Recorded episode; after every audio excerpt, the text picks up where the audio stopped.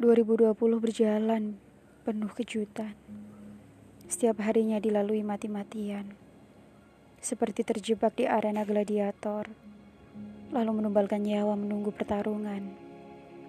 Atau terjebak seorang diri di dalam belantara hutan. Semakin berlalu, semakin banyak luka pun kesakitan. Tak hanya virus, finansial, pekerjaan, korban perasaan, bahkan perihal tinggal meninggalkan. Sepertinya bukan hanya Juni yang tabah. Tapi semua bulan kini tak miliki wajah sumringah. Menyembunyikan rapat-rapat rindu di balik pohon bunga. Merangkap jejak-jejak yang semakin ragu di maki jingga. Detik demi detik dibungut dengan hati yang semakin keriput. Luruh bersama luka kepergian yang kian menghasut membabat habis bahagia yang sebelumnya hampir surut. Ternyata benar, mencintai dengan sederhana tak selamanya miliki artian yang sama.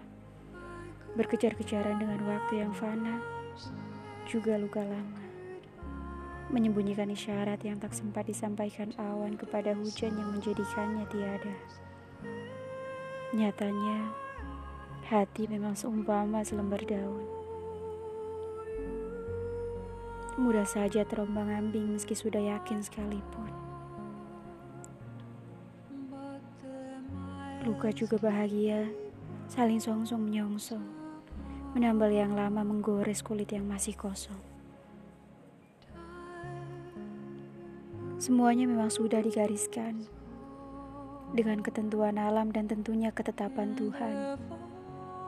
Manusia tak memiliki posisi strategis apa pun untuk melayangkan keberatan membuat petisi apalagi gugatan. Meski ada satu jalan yang masih bisa dilakukan. Memohon dengan merelakan kesombongan yang ditekan. Seseorang pernah berkata, sehancur apa pun duniamu, semesta akan tetap berjalan seperti semestinya. Akal waras bisa saja merespon tapi bagi seorang pecinta,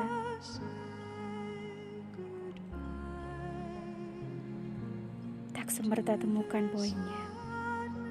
Bahkan Santip, istri dari seorang filsuf besar dunia, perempuan yang sangat cerewet dengan gambaran perangai paling buruk, adalah yang pertama kali menjerit histeris ketika tenggorokan suaminya dilalui racun yang dengan sukarela ia teguk.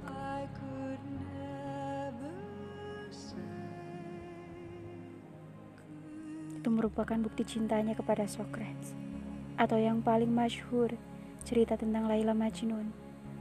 Dan bahkan Rasulullah pun bersedih ketika istri tercintanya Sayyidah Khadijah pergi meninggalkan untuk selamanya. Lalu bagaimana manusia biasa?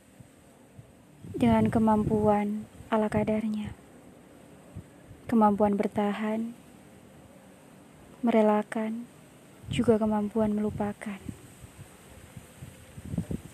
Karena yang fana adalah waktu. Sejauh apa pun raga-raga pergi, bahkan berbeda alam juga tempat berdiri, jiwa pecinta akan tetap abadi. Tak mengenal sekat, meski berupa jarak langkahan ataupun batu nisan.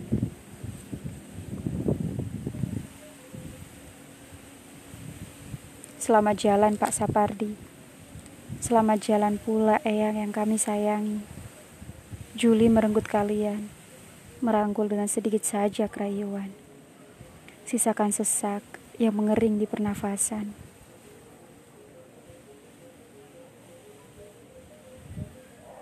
Kami mencintaimu. Kami menyayangimu. Doa kami tetap tercurah mengiring dengan nafas yang menderu. Kemudian, malam melanjutkan tugasnya. Kosong, tanpa segala perasaan. Sebuah penutup manis dari Pramudia Anantatur.